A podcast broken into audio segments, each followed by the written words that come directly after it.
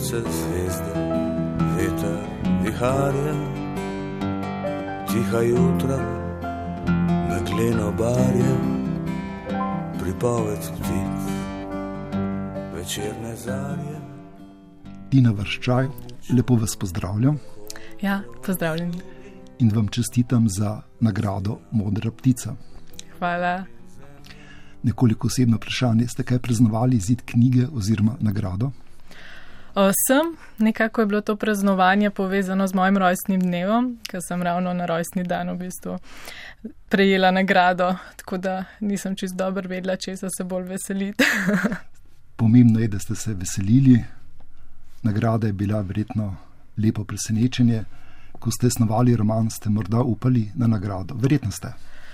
Um, nisem še imela takrat tega v mislih, ker sem v bistvu po naključju zvedla za natečaj, ker nekako ne sledim jaz to tem portalom in natečajem in tako naprej.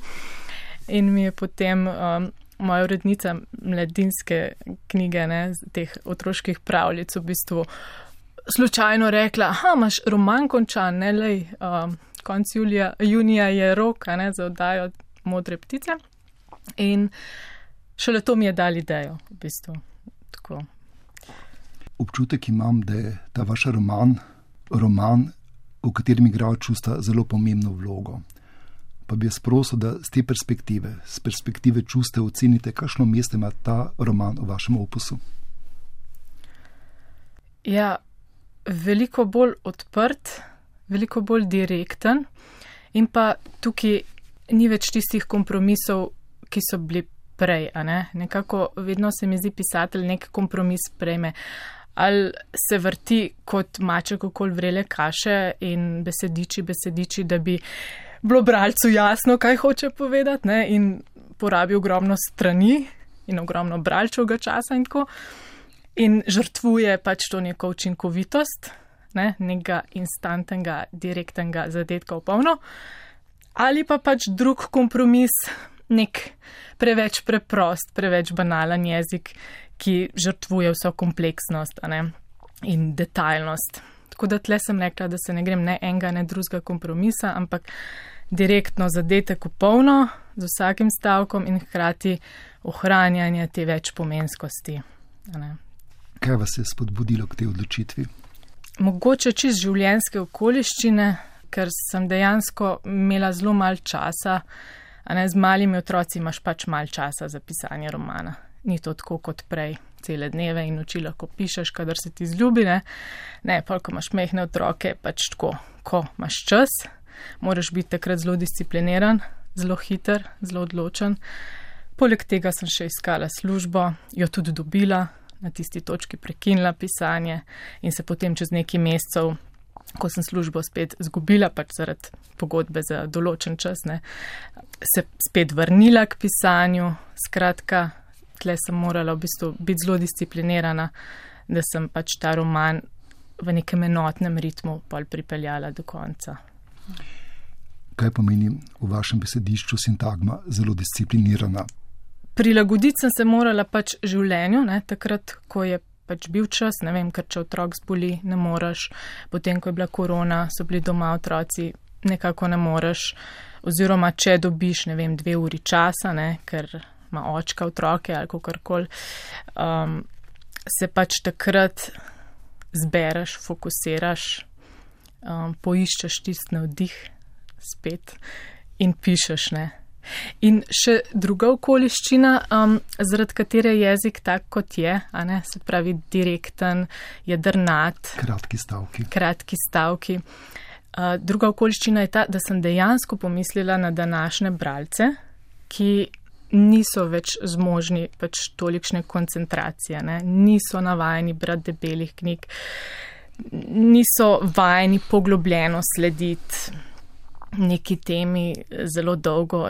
In hotela sem enkrat za spremembo, ne, v nasprotju s prejšnjimi deli, srečati bralca, priti do njega ne, z vso vsebino, s poročilom ga dejansko dosečne, ne, da bi se zgubili v vrtincu nekih mojih misli. In ti kratki stavki so zelo učinkoviti. Ne?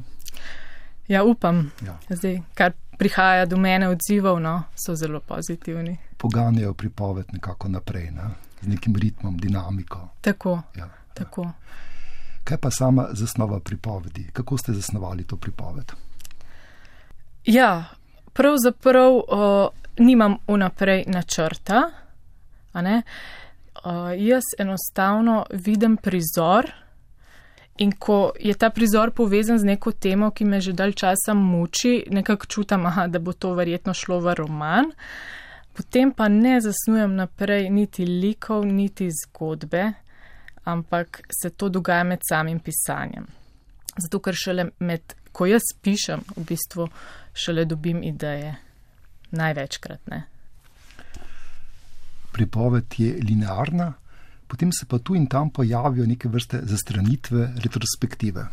Kakšno vlogo odigrajo, kako ste jih pripeljali v tekst? Um, želela sem pač čim večjo kompleksnost, ne? tako kot je življenje kompleksno. V vsakem trenutku smo razpeti ne? med službo, med družino, med misli na prihodnost in tako. In bivamo na nekako več nivojih, kot pa to zgleda drugemu našemu sočloveku, recimo. Ne? Vedno bivamo nekako zelo kompleksno in čustveno in miselno. In um, to kompleksnost pač potem prinašam v tekst prek tega, da, da se ona spominja, Eva, ne junakinja, svoje mame, ko vzgaja otroke, v bistvu se ji obujajo te spomini, kako je njena mama z njo ravnala, kaj je rekla, sliši te besede, tako da hkrati razčiščuje odnos z mamo, um, sprejema svojo preteklost in ob tem vzgaja svoje kčeri. Spustili ste ime junakinje, je njeno ime na ključe, zakaj ste se odločili za njeno ime? Um, prvi vrsti mi je bilo verjetno všeč, pa tudi um, ta simbolika imena Eva se mi je zdelo, da kar pristaja. Um, pač Eva kot zapeljivka, recimo, um, ki te zapelje v skušnjavo, ki ti da, da spoznaš neko resnico, recimo, ne? če gre tukaj za, po eni strani za neko čustveno resnico, po drugi strani za neko okoljsko resnico, se pravi nekaj, kar naj bi človek spoznal. Gre tudi za namik na izgon iz raja. Um, tudi ta namik ja, je zelo pomenljiv tukaj. V vašem romanu je tudi ljubezenski prizor, prizor o raju, morda bi nam ta odlomek, prosim, prebrali. Uh, lahko. V odročnem kotičku za plezalnim vrtcem je Gregor Evo položil na tla. Razgrnil jo je kot podlogo za piknik. Na njo bo položil dobrote in iz njenih stegam bo pil. Bil je gosto poraščen, njegov von animaličen. Vzel je vejco in jo žgačkal po skritih kotičkih, po najbolj odročnih, preznojenih kotičkih. Igral se je z njo, ampak zares. Svojo vejo se je dvigal nad njo. Je res rekel brzaka? Vse jo je bolelo od neudobnih tal. Storže borovcev, kamenje in korenine je čutila v hrbtu. Iglice so jo pikale. S hladno, zaobljeno skalo v malem je drgnil po njenem mednožju. Že sam dotik kamna je bil čutni višek. Eva se je izlivala z gozdnimi tlemi. Postala je izvir vode, ki je privrela iz podzemnega skalovja. Nekaj snopov svetlobe je posvetilo na njo skozi pahljačasto listje. Opazovalo ju je sonce. Zlivala se je s tlemi. Gregor se je zlival vanjo. Slišala sta oddaljene glasove, a ju niso zmotili. Ljubljanje ni imelo konca. Nekako sta vedela, da tega človek ne more ponoviti. Zato raje nista nehala. Ampak na zadnje sta se le upehala. Spet sta oblekla plezalne cunje. Ona si je nadela njegovo majico, on pa si je njeno zavezal okrog vratu in šel zgoraj gov do avta. Tako sta se zvezala. Tina Vrščaj, hvala, ker ste nam prebrali lep odlomek iz svojega romana Na klancu. Tukaj sta vaša junaka, Eva in Gregor, nekako v paradižu. Ko vi pišete roman, v začetku, nekako niste več v paradižu. In Gregor je ta, ki se umika iz življenja pred ekran, takšen in drugačen, se izgublja v nekem digitalnem svetu. Ampak bravka, bralec ne izvesta, zakaj se je preselil v ta digitalni svet, kaj ga je izgnalo iz raja. Tukaj nekoliko pogrešam neke vrste psihološko motivacijo. Uh -huh. um, nekako nekje umenem, da tudi on ni imel ravno srečnega otroštva. Um, oče je tudi tam zapustil družino, tako da se na nek način ta situacija potem ponovi. Um, mama je očitno želela drugačnega otroka, živela pač z nekimi svojimi pričakovanji, ki jim on ni mogel zadostiti. Tako da uh, je potem ni bila navdušena nad njegovimi fantovskimi rečmi in tako naprej, ker je počel, ne vem, tvegane reči, umazane reči, kakorkoli in je bila srečna, ko se je nekako uh, se srečal z računalnikom in začel pač vse več časa preživljati z računalnikom, ne, pa karkoli je že počel, igrce, um, programiranje. Kot pravite, Gregorjev oče je nekako odsoten, Evin oče je odsoten. In to je zdaj videti skoraj da kot neke vrste usoda. Gregor je to definiral, on se temu očitno nekako ne zna upreti. Kako to, da ste tako nekako deterministični do teh svojih junakov, da so nekako določeni, da se ne znajo premakniti, da se ne znajo odpreti, da ne znajo živeti življenja? Gregorja, mislim, um, predvsem, ne? ker ja, neke vrste tako ja. ranjeni, belopolti moški srednjih let, ja. skoraj srednjih let. Um, nekako to vidim v življenju, ne? to opazujem pri ljudeh in se vsakeč znova čudim in žalostim, zakaj nismo ljudje s tako razvitimi možgani in še stok tudi neizrabljenega potencijala v možgani, zakaj nismo zmožni preseči tega determinizma. Ne? Zakaj še vedno kot odrasli, tako kot tudi Eva, recimo, ki je vse nekako bolj odprta ne? in um, ja, zmožna sprememb, še vseeno tudi ona se vrača v otroštvo, nekako žaluje, čuti nek manjko. Ne? Um, torej, zakaj je tako težko, ne vem, sprejeti to, zdaj smo odrasli, zdaj živimo svobodno oziroma se sami odločamo in tako naprej. In realiziramo nek svoj karakter, nek svoj potencial, ne pa to, kar smo dobili ne, z vzgojo in tako naprej. Vidim pač, da, da nekako taka je resničnost, da se ljudje le malo po majhnih korakcih, pa še to samo nekateri spreminjajo. Ne. Dejali ste, da se sprašujete, zakaj. Kakšen je pa vaš odgovor na ta zakaj? To je neka takšna, ne vem, višja zakonitost, ne? kot, um, kot zaradi nekih teh zakonitosti tudi delamo z naravo, tako kot delamo, um, in tu ni preprostih rešitev, um, ker je tu pač ta človeška psihologija. Verjetno smo nagnjeni k temu udobju, ki nam ga nudi to, kar poznamo, ne? na nek preprost način rečeno, seveda. Se pravi, ja, če poznamo bolečino iz preteklosti, se na nek način tudi k tej bolečini vračamo, na mesto, da bi preprosto začeli nov dan, obrnili nov list in postali naenkrat bolj vedri in delili to vedrino tudi drugim naprej, ne prihodnjim rodovom in tako. Neka ta determiniranost je dejstvo življenja. Hkrati pa ne zanikam naše svobode možnosti spremembe. Tako, tako, tako. To obstaja, to vedno obstaja, ampak koliko se je pa poslužimo. Pravzaprav ste lepo opisali to Gregorjevo negativno izkušnjo, hkrati pa Evi uspeva ta sprememba skozi vse roman. In me zanima, ali je njena sprememba nekako tudi vezana na njeno materinsko izkušnjo. Ja, gotovo, da je to spreminja.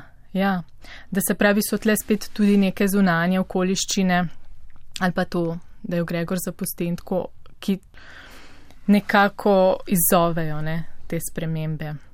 Um, se bolj zaveda življenja, bolj ga uživa, bolj ga čuti. Ja, tako. In krati sem res želela prikazati nekako to, da sprejema odgovornost, ne? da se pravi, sprejema nase ne, en velik del pač um, ne samo krivde, ampak potem tudi tega, da lahko nekaj spremeni, da lahko nekaj naredi ne samo za svoje otroke, ampak recimo ne za dobro, malo pretirano rečeno, ampak za vse svet. Nekaj. Do te tematike še prideva, ampak če ostaneva še za hip pri Gregorju. Zakaj mu ta očetovska izkušnja ne pomaga? Ker ima možnost, vendar, ne, da bi rastel, da bi živel z nekom, da bi nekomu pomagal, da bi sprejel neko odgovornost in vse to Tako. nekako zanika. Zakaj? To je spet nekaj, kar um, opažam pri pač mnogih fantih in moških. Um, moje generacije in tudi mlajših generacij in tako, da v bistvu on niti nima potrebe. On, on bi zase rekel, da je v redu očka, ne? da pač. Um, da daje to, ne, služi denar, ne vem, prinaša darilca recimo in tudi občasno tudi uh, nekaj časa preživi z otroci in tako. Um, verjetjo, verjetno njemu to zadošča, ima pač tukaj veliko um, manjše potrebe oziroma drugačna pričakovanja um, in drugač vidi svojo očetovsko vlogo, no, kot jo pa pač vidi Eva oziroma pogosto ženska, kaj pričakuje od moškega in moški, kaj se mu zdi, da bi moral dati ne, na tak način. Je to spet nek vzorec, ki, ki sem ga opažala ne, pri pač mnogih ljudeh. Pozabil sem vas vprašati glede naslova na klancu. To se zdi kar pogumen naslov. Zakaj ste se odločili za ta naslov, kako je potekal ta premislek, kaj sporoča bravki, bravcu? Ja, res je nekako drzen, uh, tako kot je, je tudi slog drzen. Ne? Ja, slog je tak, e, ti stavki so dobesedno neki aksiomi ne? in se mi zdi, da jih tema absolutno upravičuje. Um, se pravi, tu zdaj ni več nekega okolišanja, ampak je tukaj neka zelo usodna tema pravzaprav ne, na tapeti. Um, tako da tudi pri naslovu se mi je zdela neka ta drznost umestna, da pač nekaj zelo pomenljivega. Ampak v prvi vrsti tisti prizor, ki sem ga prej omenila, da najprej ponavadi vidim nek prizor, iz katerega se potem vse razraste. Ne? se pravi iz, iz neke situacije, kar je v tem primeru prvo poglavje, se je potem razrasel roman. Ne? In ta prva situacija je na klancu, ne? vse se začne na klancu, zato ker smo mi živeli na klancu in je mene to tako tudi pretreslo, no? to, to okolje oziroma prostor je vplival name. Z vsemi svojimi temi um, takšnimi in drugačnimi pomeni. Prizor se je začel na klancu in šele drugotno je bilo, da sem se jaz domislila, da pač na klancu roman pa že obstaja. Ne? In seveda bi to zelo, meni zelo ljub roman, že v srednji šoli, pa potem sem ga še pozneje ne dvakrat brala, ne? tako da je zagotovo vplival name že na precej nezavednem nivoju. Ne? Kakorkoli najprej bil moj motiv mojega domačega, preizkušenega klanca, ne, tam, kjer sem živela. In potem je bila šele ta misel na cankarja, in potem sem videla, da tudi moja tema, materinstvo, recimo, um, se nekako povezuje z njegovo. Potem so še neki drugi detajli, ki so prišli ali na ključno, ali pa tudi zavestno ne, v zgodbo, kjer so neke usporednice lahko, recimo s cankarjevim romanom. Tako da se mi je zdelo na koncu upravičeno, da izberem ta megalomanski naslov. Tako. In pa vsem ustrezen. Ja. Ena izmed odlik vašega romana je tudi ta, ko sem ga začel brati, sem dobil občutek, da bo to roman o čustvih, o nekem razmerju. Ampak vi zelo spretno upisujete nove in nove like v svoj roman. Kako ste, nekoliko ste že odgovorili, in vendar, kako ste te like izbirali, kako ste jih snovali, kako ste jih oblikovali? To bi eh, res težko tako ne, zdaj, racionalno pojasnila, ker je tukaj pri mojem pisanju veliko več tega instinkta, ne, um, da instinktivno sem nekako tukaj neke bolj arhetipske like ustvarila, ne, um, ki imajo mogoče zaledje tudi v nekih konkretnih osebah, ampak neko minimalno. Ne. Um, bolje ta neka. Um, ne vem, bila tukaj želja, da je to hkrati zelo prepričljiv, zelo stvaren, zelo tak življenski roman in hkrati neka taka čist simbolična zgodba ne? o nekih brezčasnih likih, ki bi se lahko v katerem koli obdobju pojavile. Ne vem.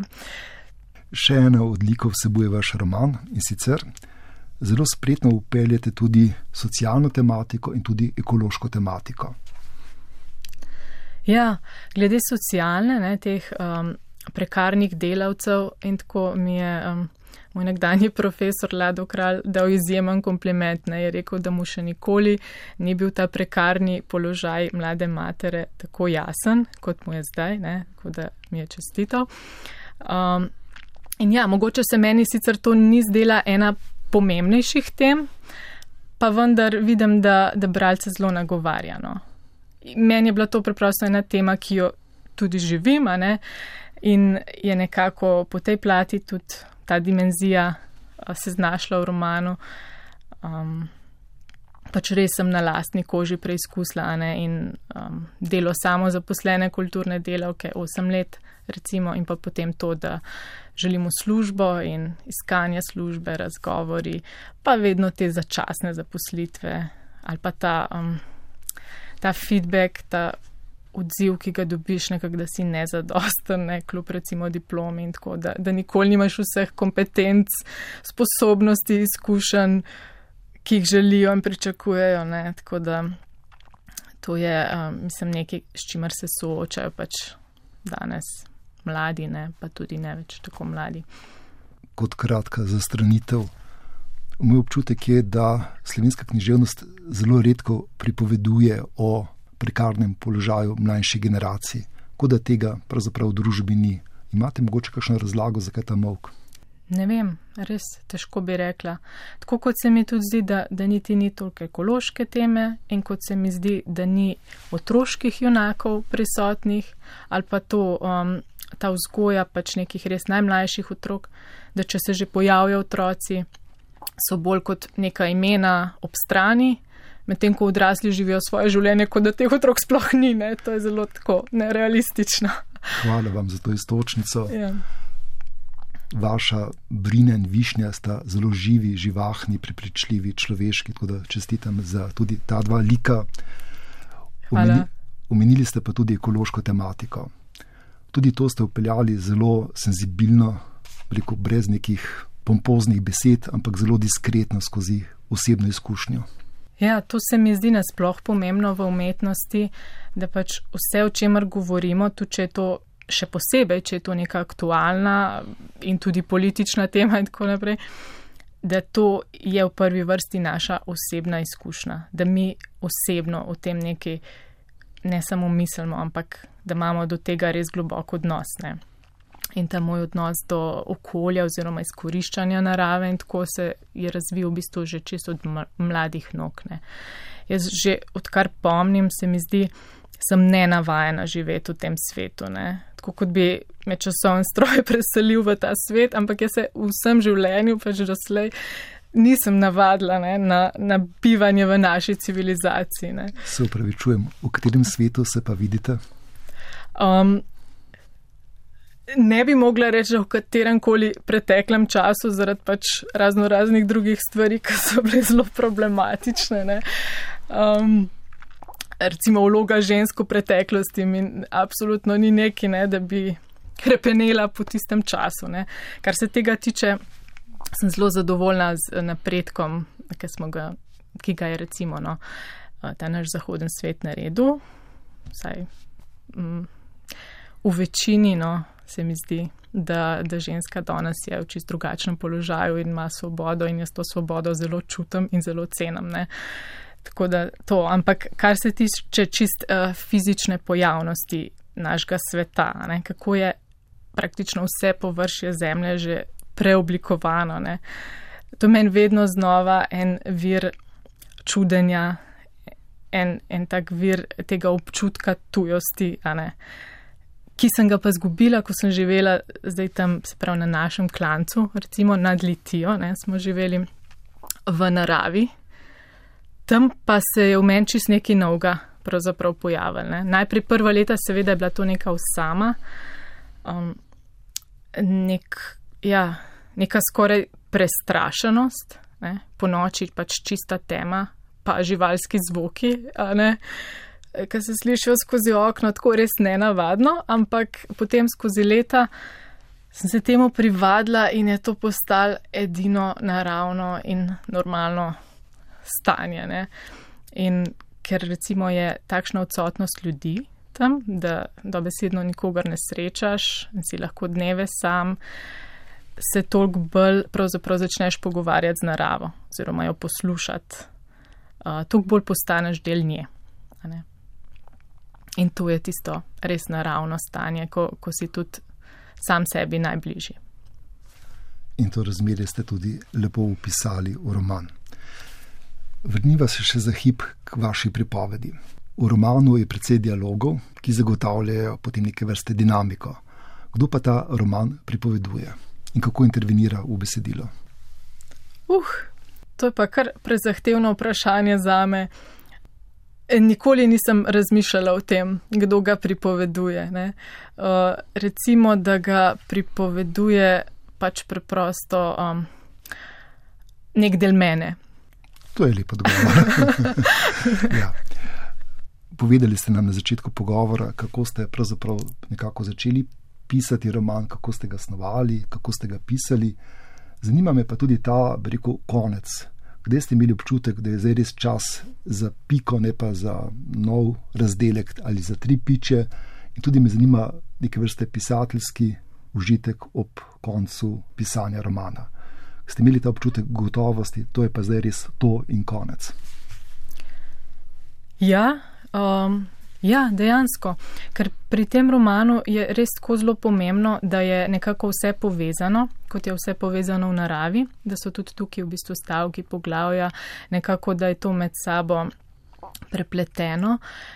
Imela sem, čeprav sem rekla, da nisem imela načrta, ne, pa vsem sem imela pa zelo močan notranji občutek, um, kdaj pride dramatični vrhunc, kdaj pride um, ne, razrešitev, kdaj pride konc nekako po tem Evinem nastopu ne, na tisti konferenci, um, kjer se nekako še na mal drugačen način, mal bolj eksplicitno, pa tako naprej sooči s to temo, uh, odpre svetu, um, poveže s svetom in tako.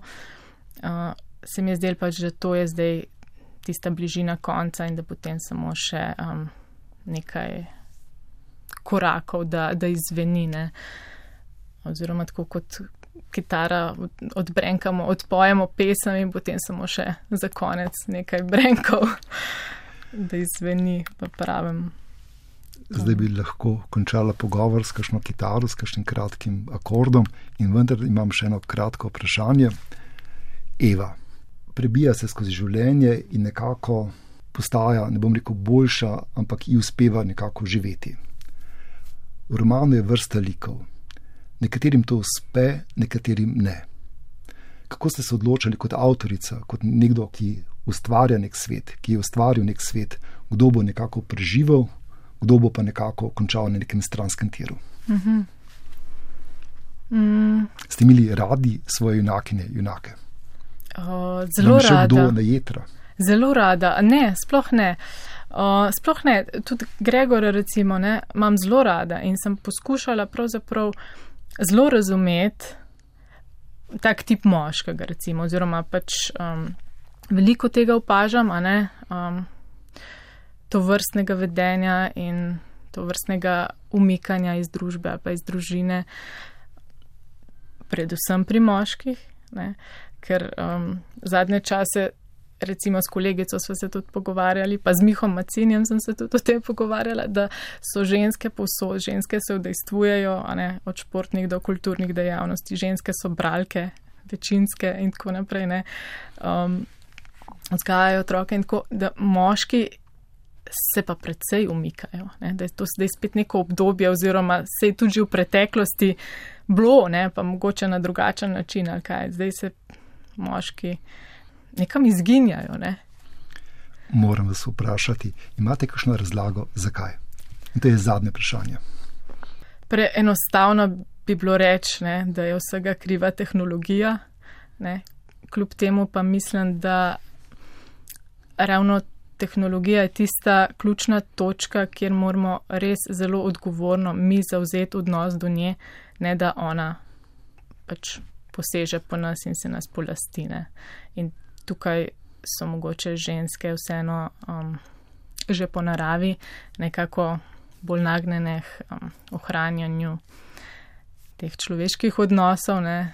moški pa nekako potem bolj podležejo ja, temu, da res veliko ur na dan ne, prebijajo pač pred zasloni. Tina Vrščaj, hvala za vaš roman na klancu in hvala za pogovor. Hvala vam. thank you